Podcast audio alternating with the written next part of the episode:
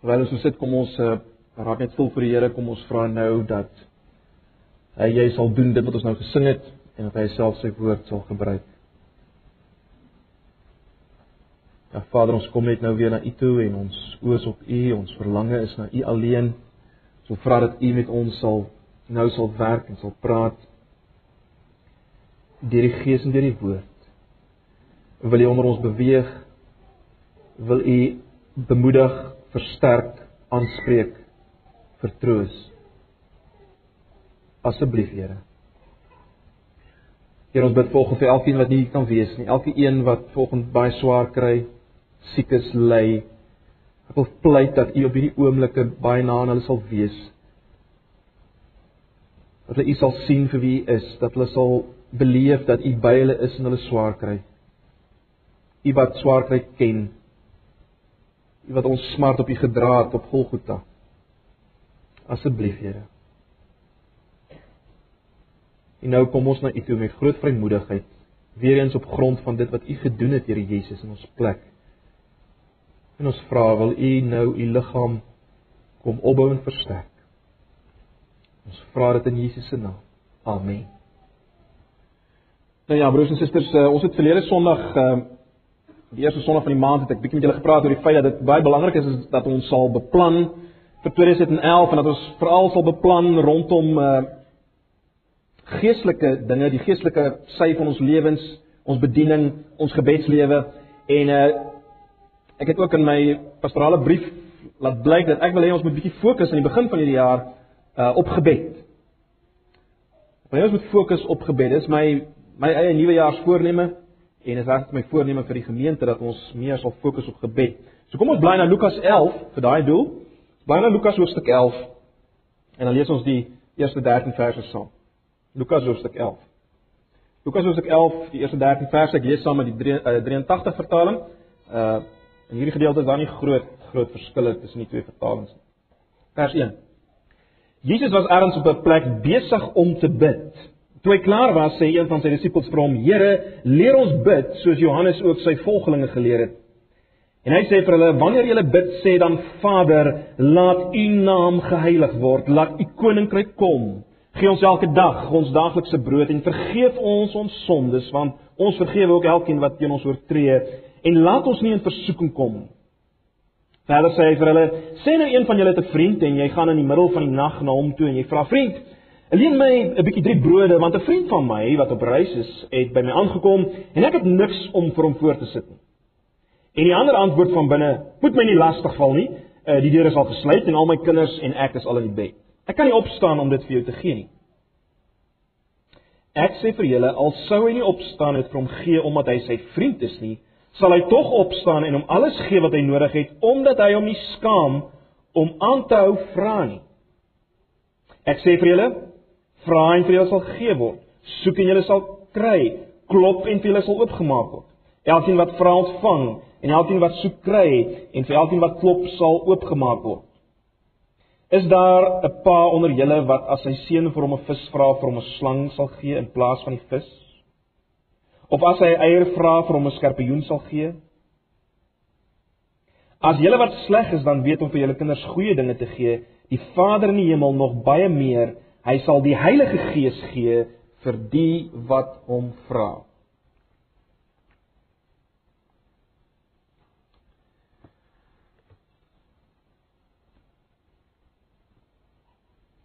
Broers en susters, Jesus was 'n man van gebed en uh, Lukas wil baie seker maak in sy evangelie dat ons dit raak sien. Uh, ons weet Jesus was volgens Lukas se evangelie besig om te bid toe die Heilige Gees soos 'n duif op hom neergedaal het. Dis daar in Lukas 3 uh, vers 21. Uh ons weet Jesus het sy bediening begin met 'n 40 dae vas in die woestyn. Ons lees dit in Lukas 4 vers 1 tot 15. Ons weet hy het verskeie kere onttrek om in die eensaamheid te gaan bid, Lukas 5:16. Ons weet voor hy die 12 gekies het. Voor hy die 12 gekies het, was hy 'n nag lank in gebed gewees, die hele nag. In Lukas 6 vers 12. Uh Jesus het alleen gebid voordat hy vir Petrus vra, "Wie sê jy is ek?" Lukas 9 vers 8. En dan uiteindelik uh, op die berg van verheerliking waar Jesus uh iets van sy heerlikheid openbaar het aan die disippels, aan die drie wat saam met hom was. By daai geleentheid was hy op die berg om saam met hulle te bid. Lukas 9 vers 28. So as geen twyfel nie, Jesus was 'n man van gebed en hier in hierdie gedeelte wat ons nou gelees het, Lukas 11 vers 1, wat sien ons?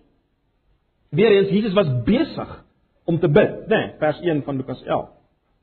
So daar's geen twyfel nie, broers en susters, uh vir sy krag en verleiding was Jesus uh as mens in gebed voor die Vader, né? Nee. So as mens het hy gebid vir krag en verleiding van die Vader. Uh daar's geen twyfel daaroor. Nou, dit alleen natuurlik behoort vir ons genoeg motivering te te wees om in hierdie jaar werklik erns te maak uh met gebed, om baie meer erns te maak uh as gemeente met gebed, uh met ons persoonlike gebed. Net hierdie feit van Jesus wat so gebid het. Want ek weet nie van julle nie, maar ek wil meer soos Jesus wees. Ons het verlede jaar die hele jaar daaroor gepraat dat ons moet verander na om soos Jesus te word, na die beeld van Jesus. En een ding wat dit beteken om meer soos Jesus te word is om meer 'n mens, 'n man of 'n vrou van gebed te word, né? Nee, dis baie duidelik. Maar nou, dis nie al nie. Uh Jesus het ook geleer oor gebed, né? Nee, hy het geleer oor gebed en hy maak ongelooflike beloftes in verband met gebed. Hy leer oor gebed en hy maak beloftes om uh, oor gebed. In ander woorde, Jesus het nie net ehm uh, gebed geleef nie, hy het ook gebed geleer. En daarom broers en susters, ek ek dink nie ons hoef te twyfel, ons as as antipas, ek dink nie ons hoef in hierdie jaar te twyfel dat dit God se wil is Ons vra altyd wat is God se wil? Wel, is geen twyfel wat dit God se wil is. Dat ons as gemeente meer 'n gemeente van gebed moet wees en dat ons as individue, as lidmate meer erns moet maak met ons gebedslewe nie. Dat is geen twyfel nie. As jy as jy wonder oor wat die wil van die Here hierdie jaar vir jou wel, jy hoef hieroor te wonder. Dis definitief God se wil vir ons hierdie jaar. Ons kan dit sonder twyfel weet. En dan pleit ek by julle om nou julleself oop te stel vir dit wat Jesus vir ons leer uh, omtrent gebed. Ek wil ek wil vra jy dit nou sal doen. Vra om nou om met jou te praat of jou 'n nuwe hart te gee, 'n hart vir gebed. Uh kom ons vir 'n paar oomblikke, kom ons word elkeen net weer stil vir 'n paar oomblikke by jouself en vra dat die Here nou met jou persoonlik sal praat rondom hierdie saak van gebed. Jy net net 'n paar oomblikke van stil word voor die Here voor ons aangaan. Kom ons word net vir 'n oomblik stil. Nou, broers en susters, ek wil vier dinge wil vier dinge uit hierdie gedeelte uitlig. Ehm uh, wat Jesus leer omtrent gebed. As jy wil vier rigting aanduiers rondom gebed en uh dit gaan saam met vier beloftes rondom gebed. Vier rigting aanduiers wat saamgaan met vier beloftes omtrent gebed. So dis waarna ons gaan kyk in hierdie gedeelte. Uh die eerste rigting aanduier wat Jesus hier vir ons gee is dit. Jesus leer ons om ons gebed God gesentreerd te maak. Nou ek weet ons almal ken hierdie term. Dit is baie belangrik dat ons dit sien met betrekking tot gebed. Jesus leer ons om ons gebed God gesentreerd te maak. Julle sal sien toe die eh, toe die disippels vir Jesus vra, eh, "Leer ons om te bid." Dan vers 1, dan kom hy in vers 2 en hy sê, "Wanneer julle bid, sê Vader, laat U naam geheilig word, laat U koninkryk kom." sien julle dit? Vers 2. Nou, julle moet oplet, hierdie is versoeke. Die onsse Vader is versoeke. Daar's nie lof of dank aan die onsse Vader nie, daar's versoeke. En Jesus sê ons eerste begeerte, ons eerste versoek moet wees dat God se naam geheilig sal word, dat sy koninkryk sal vooruitgaan, sal sigbaar word, sal kom, né? Nee. En dis wat ons bedoel as ons vanoggend praat van God gesentreerd, né? Nee.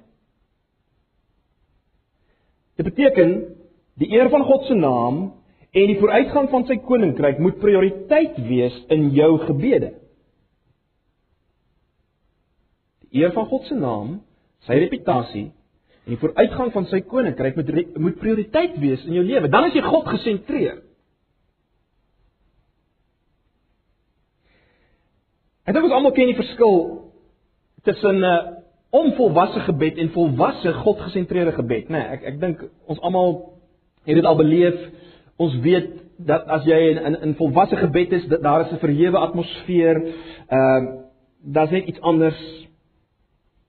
As iets anders as iemand bid met die prioriteite wat Jesus hier geleer het. Is dit nie so nie? Dit is iets anders. Ons almal ken gebedjies wat afgerammel word. Maar as iemand bid met die prioriteite wat Jesus hier leer, is iets anders.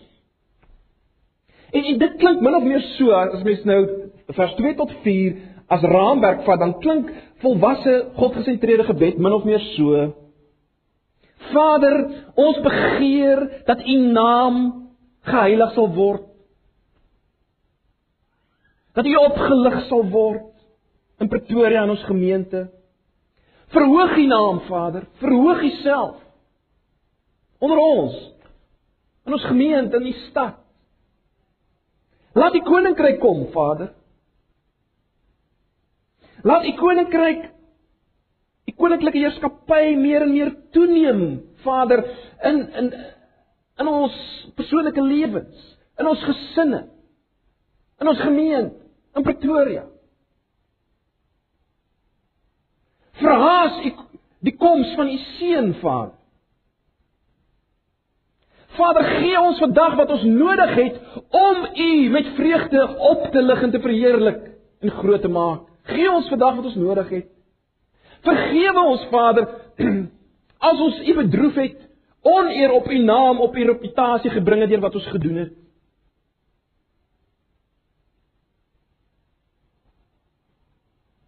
Bewaar ons, bewaar ons Vader van van versoeking om oneer op u naam te bring. Ons bid dit in die naam van Jesus. Nou, dis maar 'n voorbeeld min of meer broers en susters hoe God gesentreerde gebed binne hierdie raamwerk van vers, vers 2 tot 4 sal lyk. Dit beteken nie uh, jy moet dit weer soos 'n resitasie probeer aanleer nie. Dit kan duisende vorms aanneem. Maar dis die raamwerk, né? Nee. Dis die raamwerk. Laat Jesus se prioriteite hier in gebed jou prioriteite wees in jou gebed. En natuurlik gaan dit dan oor die Vader se naam wat opgelig moet word, verheerlik moet word, sy koninkryk wat kom.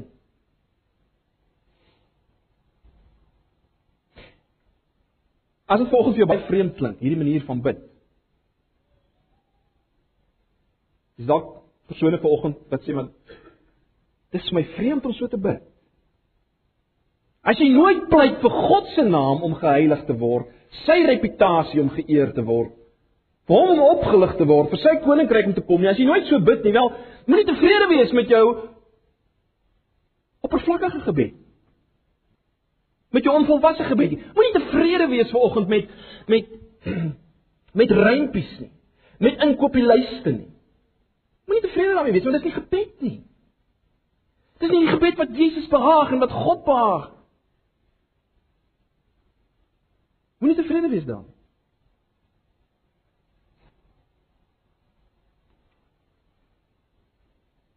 Nie in plaas daarvan kom en sê in hierdie jaar op nuwe en vars maniere Vader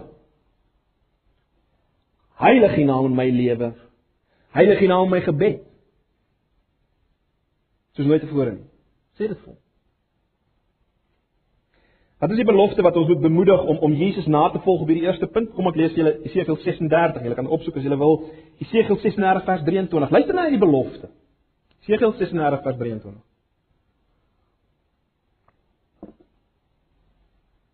Ek sal die heiligheid van my groot naam laat blyk wat onder die nasies in oneer gekom het. Julle het my naam oneer aangedoen onder die nasies. Wanneer ek my heiligheid laat blyk in wat ek met julle doen voor die oë van die nasies, sal hulle besef dat ek die Here is, sê die Here my God. Nou word broers en susters, God sê sy naam sal onder die nasies geëer word as waar, as heerlik. Maar hy besluit om ons gebede deel te maak hiervan, né? My en jou gebede word ingesluit in hierdie plan om hom op te lig en hom te eer onder die nasies. Hy sal dit doen. So kan ons anders as om die heerlikheid van God, die groot maak van van hom, uh die die kom van sy koninkryk sentraal te maak in ons gebede in hierdie jaar. Kan ons anders? So dit is die eerste ding wat Jesus hier leer.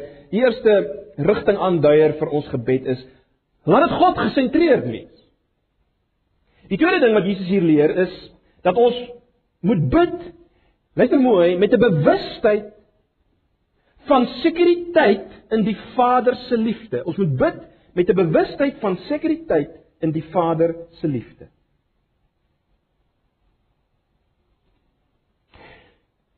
Jesus wil nie hê dat ons bang en onseker moet wees as ons broers en susters.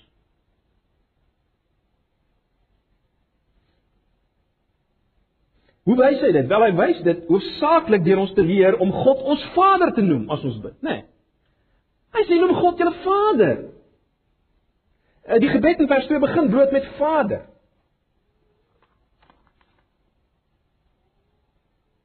En dan in vers 11 tot 13. Kyk 'n bietjie na vers 11 tot 13. In vers 11 tot 13 verduidelik Jesus uh watter sekuriteit juis hierin opgelê word om God ons Vader te noem, né? Nee, dis wat hy verpraat in vers 11 tot 13. En dis die tweede belofte as te ware om ons aan te moedig in ons gebed. Luister, is daar 'n pa onder julle wat as sy seun vir hom 'n vis vra vir hom 'n slang sal gee in plaas van die vis, of as hy eier vra vir hom 'n skorpioen sal gee? As julle wat sleg is dan weet om vir julle kinders goeie dinge te gee, die Vader in die hemel nog baie meer. Hy sal die Heilige Gees gee vir die wat hom bid.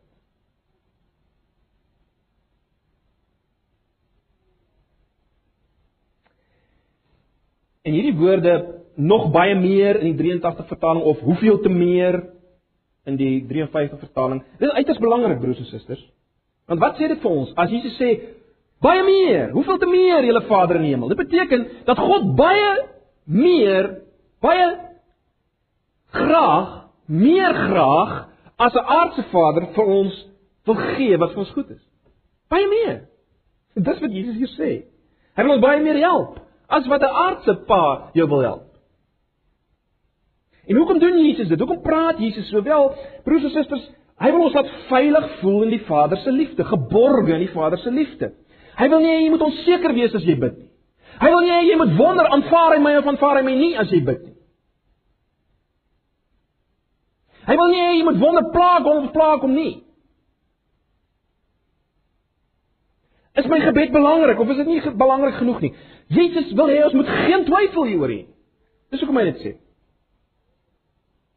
En dit is kardinaal belangrik as ons bid, is dit nie?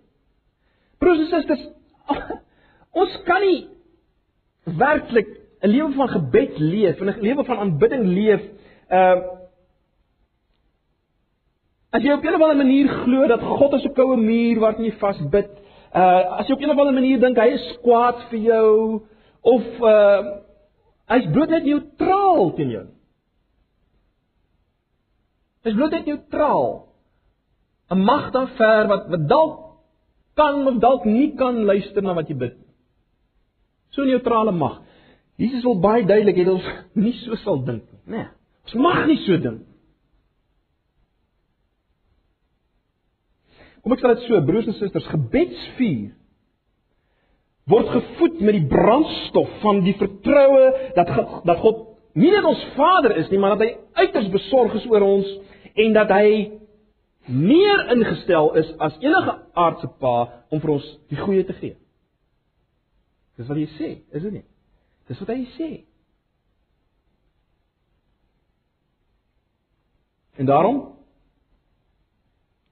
bid met 'n bewustheid van die sekuriteit van die liefde van die Vader. Dis hoe ons moet bid. Dis hoe hy wil hê ons moet bid. Die derde rigting aandui wat Jesus vir ons gee is dit. Jesus leer ons om te volhard sonder om die Vader se liefde te betwyfel. Hy leer ons om te volhard sonder om die Vader se liefde te betwyfel. Nou, wat bedoel ons met volharding? Met volharding bedoel ons bloot gaan aan Hou vol, moenie opgee nie, né? Dis waar. Hou aan om te vra en te soek en te klop aan die deur van die hemel totdat die antwoord kom of totdat God sê stop om te bid. Dis wat hy vir ons wil leer in die derde plek in hierdie gedeelte. Nou. Miskien is die van julle die van julle wat meer wakker is as die ander wat sal sê wel Jakobus maar ehm um, is hierdie oproep om te volhard om aan te gaan in te, in gebed is dit nie inkonsekwent met wat jy nou net gesê het Is dit nie inkonsekwent met die met die uh oproep om veilig te voel in die liefde van die Vader nie? Is dit nie inkonsekwent nie? Ek meen, as hy dan soveel meer vir ons die goeie wil gee as ons aardse paas, ek meen, hoekom moet ons dan so aanhou? Is dit nie inkonsekwentheid nie?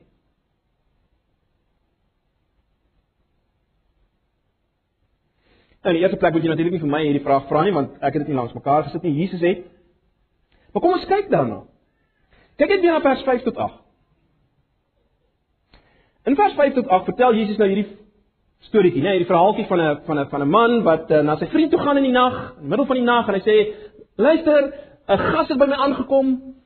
Ek het niks om hom te gee nie. Kan jy asseblief vir my drie brode leen nie?" En dan antwoord hy ou van binne af: "Man, ons sal nie bid. My kinders slaap al, die deur is gesluit. Daar's ek manier ek gee nou vir jou iets." En dan sê Jesus: "Maar hierdie man wat van buite af kom, hou aan. Hy hou aan en hy hou aan."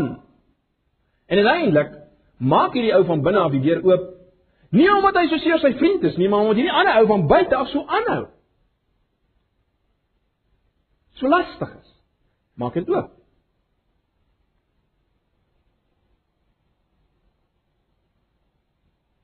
Nou. Ek dink ons almal voel bietjie ongemaklik hiermee, is dit nie? As ons so praat oor oor hele transaksie van gebed in hierdie terme, dan voel dit 'n bietjie ongemaklik. Ek meen, is God dan nou soos hierdie hierdie vriend binne in die huis? Wat uiteindelik maar net antwoord en help omdat ons so lastig is. Dis die vraag, né? Nee. So ons ek dink ons almal voel 'n bietjie ongemaklik hiermee. Maar kom ons gaan aan. Jy sal oplet onmiddellik in vers 9. Net na die net na In 5 tot 8 beskryf hy hierdie verhaaltjie van hierdie vriend. En dan in vers 9 sê Jesus, as daar iets is wat ons moet leer hier uit uit hierdie verhaal wat hy nou vertel, hy wel, wat is dit? Dan is dit: vra, klop, soek. En en in hierdie gedeelte wat hy praat oor vra, soek en klop, is daar is daar drie dinge wat hy beklemtoon om te wys dat ons of drie dinge wat hy gebruik om te beklemtoon dat ons moet volhard. Uh en nie op moet moet opgee as ons bid nie. Nee, daar's drie dinge wat wat uh, wat die belangrikheid hiervan om om te volhard beklemtoon. Drie dinge beklemtoon dit. En die eerste ding is bloot die die uh, die die tydsaspek van die Griekse werkwoord wat hier gebruik word. Uh dis dis dis 'n voortgaande teenwoordige tyd. Met ander woorde, dit beteken maar net gaan voort. Om te vra, te soek en te klop. Dis wat letterlik hier staan. Die tweede feit wat die belangrikheid onderstreep is dat dat uh, hierdie voortgaande handeling word drie keer beveel en herhaal dit weer 'n keer, né, in vers 10. En die derde ding wat hierdie volharding beklemtoon, is dat in hierdie drie woorde is daar 'n progressie in erns, né? Julle julle julle sal optel, ek sal dit nou verduidelik. Maar daar's 'n progressie in erns, uh, 'n progressie in soos daar nader gekom word aan die antwoord, né? En en Jesus sê, dit is soos julle moet bid. Dis hoe julle gebed moet lyk. Dit moet hierdie progressie toon. Dit moet hierdie aanhou karakter hê. Kom ons dink vir 'n oomblik aan hierdie beeld wat Jesus hier gebruik. Om te probeer maklik maak.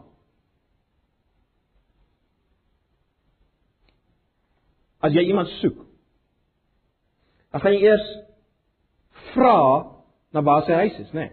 Jy vra eers na waar sy huis is. Dan dan soek jy totdat jy die huis kry. Né? Nee. En dan klop jy totdat daar totdat die deur vir jou oopgemaak word.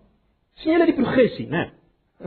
Is, is baie duidelik hierdie progressie. Kyk, vra is is is is is is, is baie eenvoudig en dit vereis geen beweging nie, né? Nee. Sien julle saam? Soek verander hierdie vrae onmiddellik in 'n aktiwiteit, né? Nee. Dit is 'n aktiwiteit van wat? Van najaging. Ek soek nou. En dan uiteindelik klop uh dui op absolute erns en eintlik 'n desperaatheid. So, daar's 'n progressie, baie duidelike progressie. En Jesus maak dit baie duidelik dat ons so moet voortgaan. So op hierdie wyse. Dis die beeld wat hy gebruik om te sê ons moet volhard, ons moet voortgaan in gebed.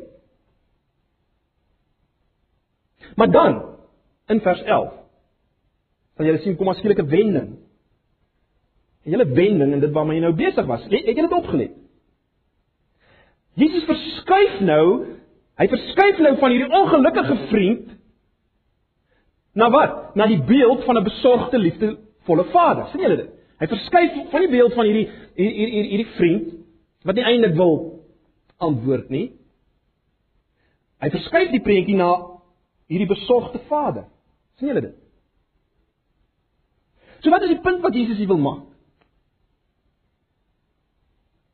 Wel, hy wil aandui dat volhardende, voortgaande, volgehoue gebed is absoluut belangrik vir ons.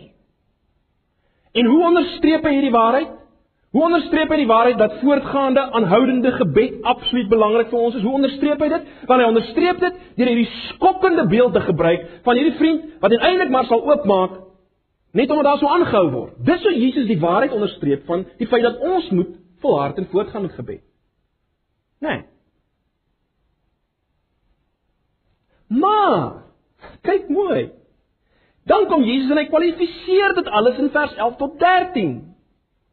En hy wys ons wat?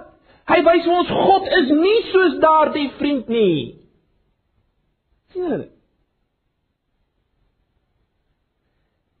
dan word hy wil die punt bekend en ons moet volhard en aangaan. Daarvoor gebruik hy die beeld, die skokkende beeld van hierdie ou wat uiteindelik al wil hy eintlik glad nie oopmaak in die nag nie, omdat die ou so volhard. Hy volharding maak dat hy oopmaak. En Jesus wil hê hy gebruik daai beeld om dit in ons in te skerp, volhard. Maar in vers 11 tot 13 wys hy Vader is nie soos daardie vriend wat maar omdat hy nou maar moet oopmaak. Nee. Teendeel. Jesus is die mees besorgde Vader wat daar bestaan. Dis wat Jesus sê. Of of althans God is die mees besorgde Vader wat daar bestaan. Dis wat Jesus beklemtoon. In ander woorde, broers en susters, ja. God gee soms vir ons wat ons nodig het na 'n lang tyd van volharding en gebed. Maar nee, dis nie omdat hy nie besorg is nie. Of nie in staat is nie. nie regtig van ons hou nie. Nee, dis nie die rede nie. Miskien sê jy maar wat is dan die rede Jakobus? Wel, Jesus sê nie hier vir ons direk hoekom hy 'n antwoord dikwels uitstel nie, maar hy sê dit indirek, né? Nee. Hy sê in vers 11, sou julle gesien het, dat die goeie pa gee nie vir sy seun 'n slang as hy 'n vis vra nie, sien julle dit? In ander woorde, die goeie pa gee vir sy kinders net wat goed is vir hulle. Net wat goed is. Dis die enigste antwoord wat Jesus hier gee op hierdie vraag wat ons nou vra, maar hoekom hoekom hoekom moet ons dan so aanhou? Dis die enigste antwoord wat Jesus hier gee, né, in hierdie gedeelte. Naamlik, wel, die pa gee net wat goed is vir sy kind, die goeie pa.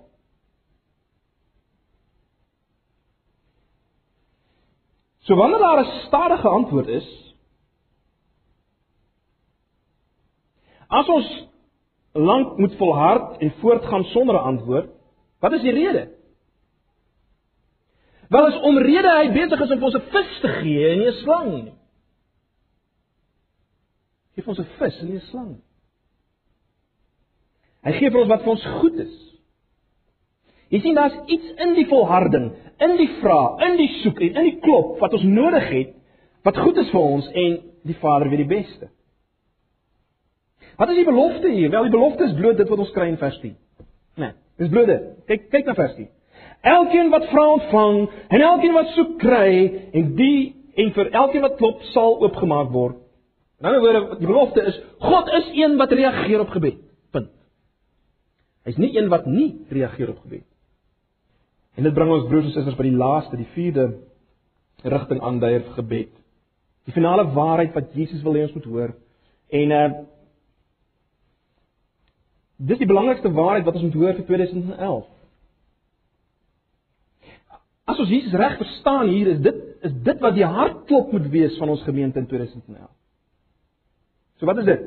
Kyk na vers 13. Jesus leer ons in vers 13 dat hierdie volhardende gebed met 'n volharding of dan 'n afwagting wees vir wat? Vir die Heilige Gees. Vir die Heilige Gees. Ek gaan na vers 13.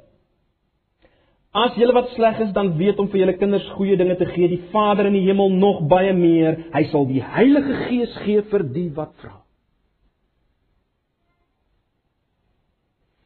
Broers en susters, dis geen toevalligheid dat uh, Lukas in Lukas 3 vers 21 vir ons opteken dat terwyl Jesus gebid het, het die Heilige Gees soos 'n duif op hom neergedaal. Dis nie toevallig dat dieselfde Lukas, onthou Lukas se Handelinge is een boek eintlik, nê, nee, hy sal dit skrywe. Dis nie toevallig dat Lukas in Handelinge vir ons wys dat die Heilige Gees kom op Pinksterdag na gebed van 10 dae nie. En dit is toevallig dat ons net 'n entjie verder lees in Handelinge 4 dat na volhardende gebed het die Gees weer gekom oor die gemeente. En hulle gevul met vrymoedigheid en krag in Handelinge 4. Die Here wil ons weer daarna kyk ook. So in ander woorde, volhardende vasbyt gebed is die pad na die uitstorting van die Heilige Gees. Altyd. Anders is dit mos so sinneloos vir ons om hierna te kyk. Dis nie net eenmaal gebeur. Handelinge 4 sien ons dit weer gebeur. In die geskiedenis weer en weer kom die Gees in antwoord op gebed. Vorm wat dit aanneem kan verskil.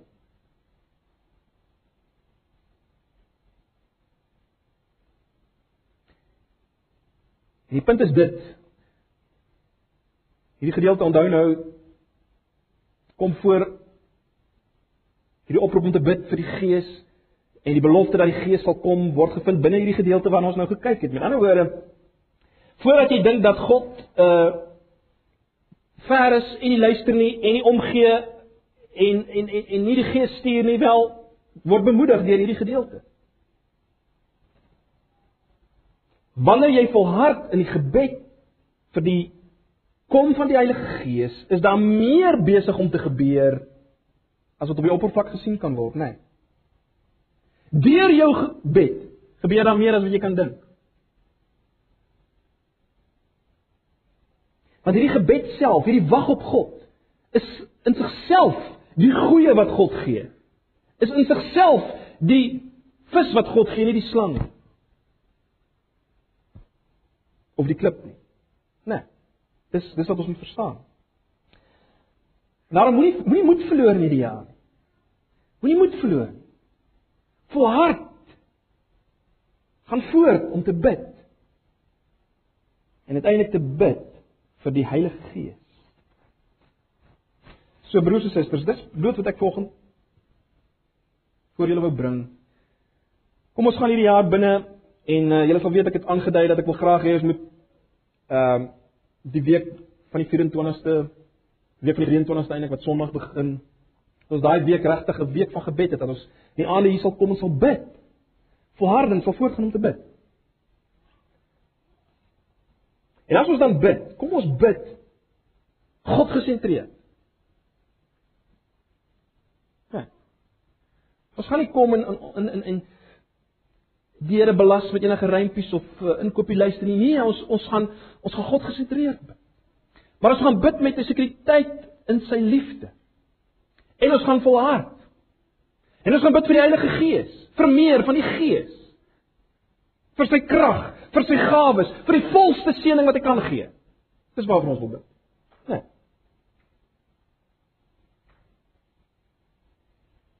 En terwyl ons dit doen, kom ons verbly ons in die feit dat dat uh hierdie volharding in gebed self is die groot werk van die inwonende Gees.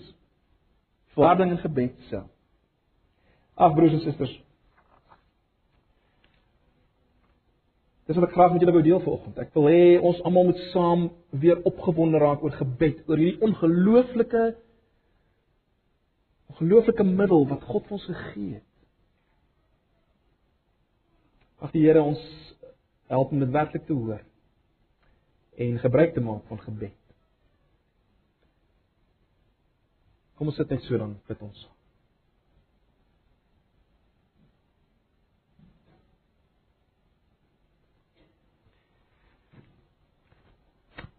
Here, terwyl ons so praat oor gebed, wil ons U net herinner aan dit wat U gesê het in Jesaja 62 vers 6 en 7. As U sê ek het wagte op die mure uitgesit Jerusalem, hulle sal dag en nag roep. Julle wat die Here aan sy beloftes moet herinner, julle moenie stil bly nie. Julle moenie stil bly nie totdat hy Jerusalem herstel het, totdat hy die hele wêreld die roem van Jerusalem laat sing het. En Here, in die lig van hierdie belofte wil ons vir U vra dat U in ons harte van vanoggend af 'n nuwe brandende begeerte sal gee om te bid. Here ons weet dat U op 'n stadium ook sê julle het nie want julle bid nie. Julle beleef so min want julle bid nie. Daar's so min krag want julle bid nie. Daar's so min vreugde want julle bid nie. En Here ons moet erken en ek moet eers erken dis waar van my lewe. Daarom wil ek vra vergewe ons. Vergewe ons ons biddeloosheid Here en wil U waarlik opnuut 'n gees van gebed oor ons uitstort hierdie jaar. Pleit dit van U. Ons vra dit in die naam van Jesus. Amen. Mag die genade van die Here Jesus en die liefde van God en die gemeenskap van sy Gees nou met julle wees en bly hierdie week as julle gaan bid. Amen.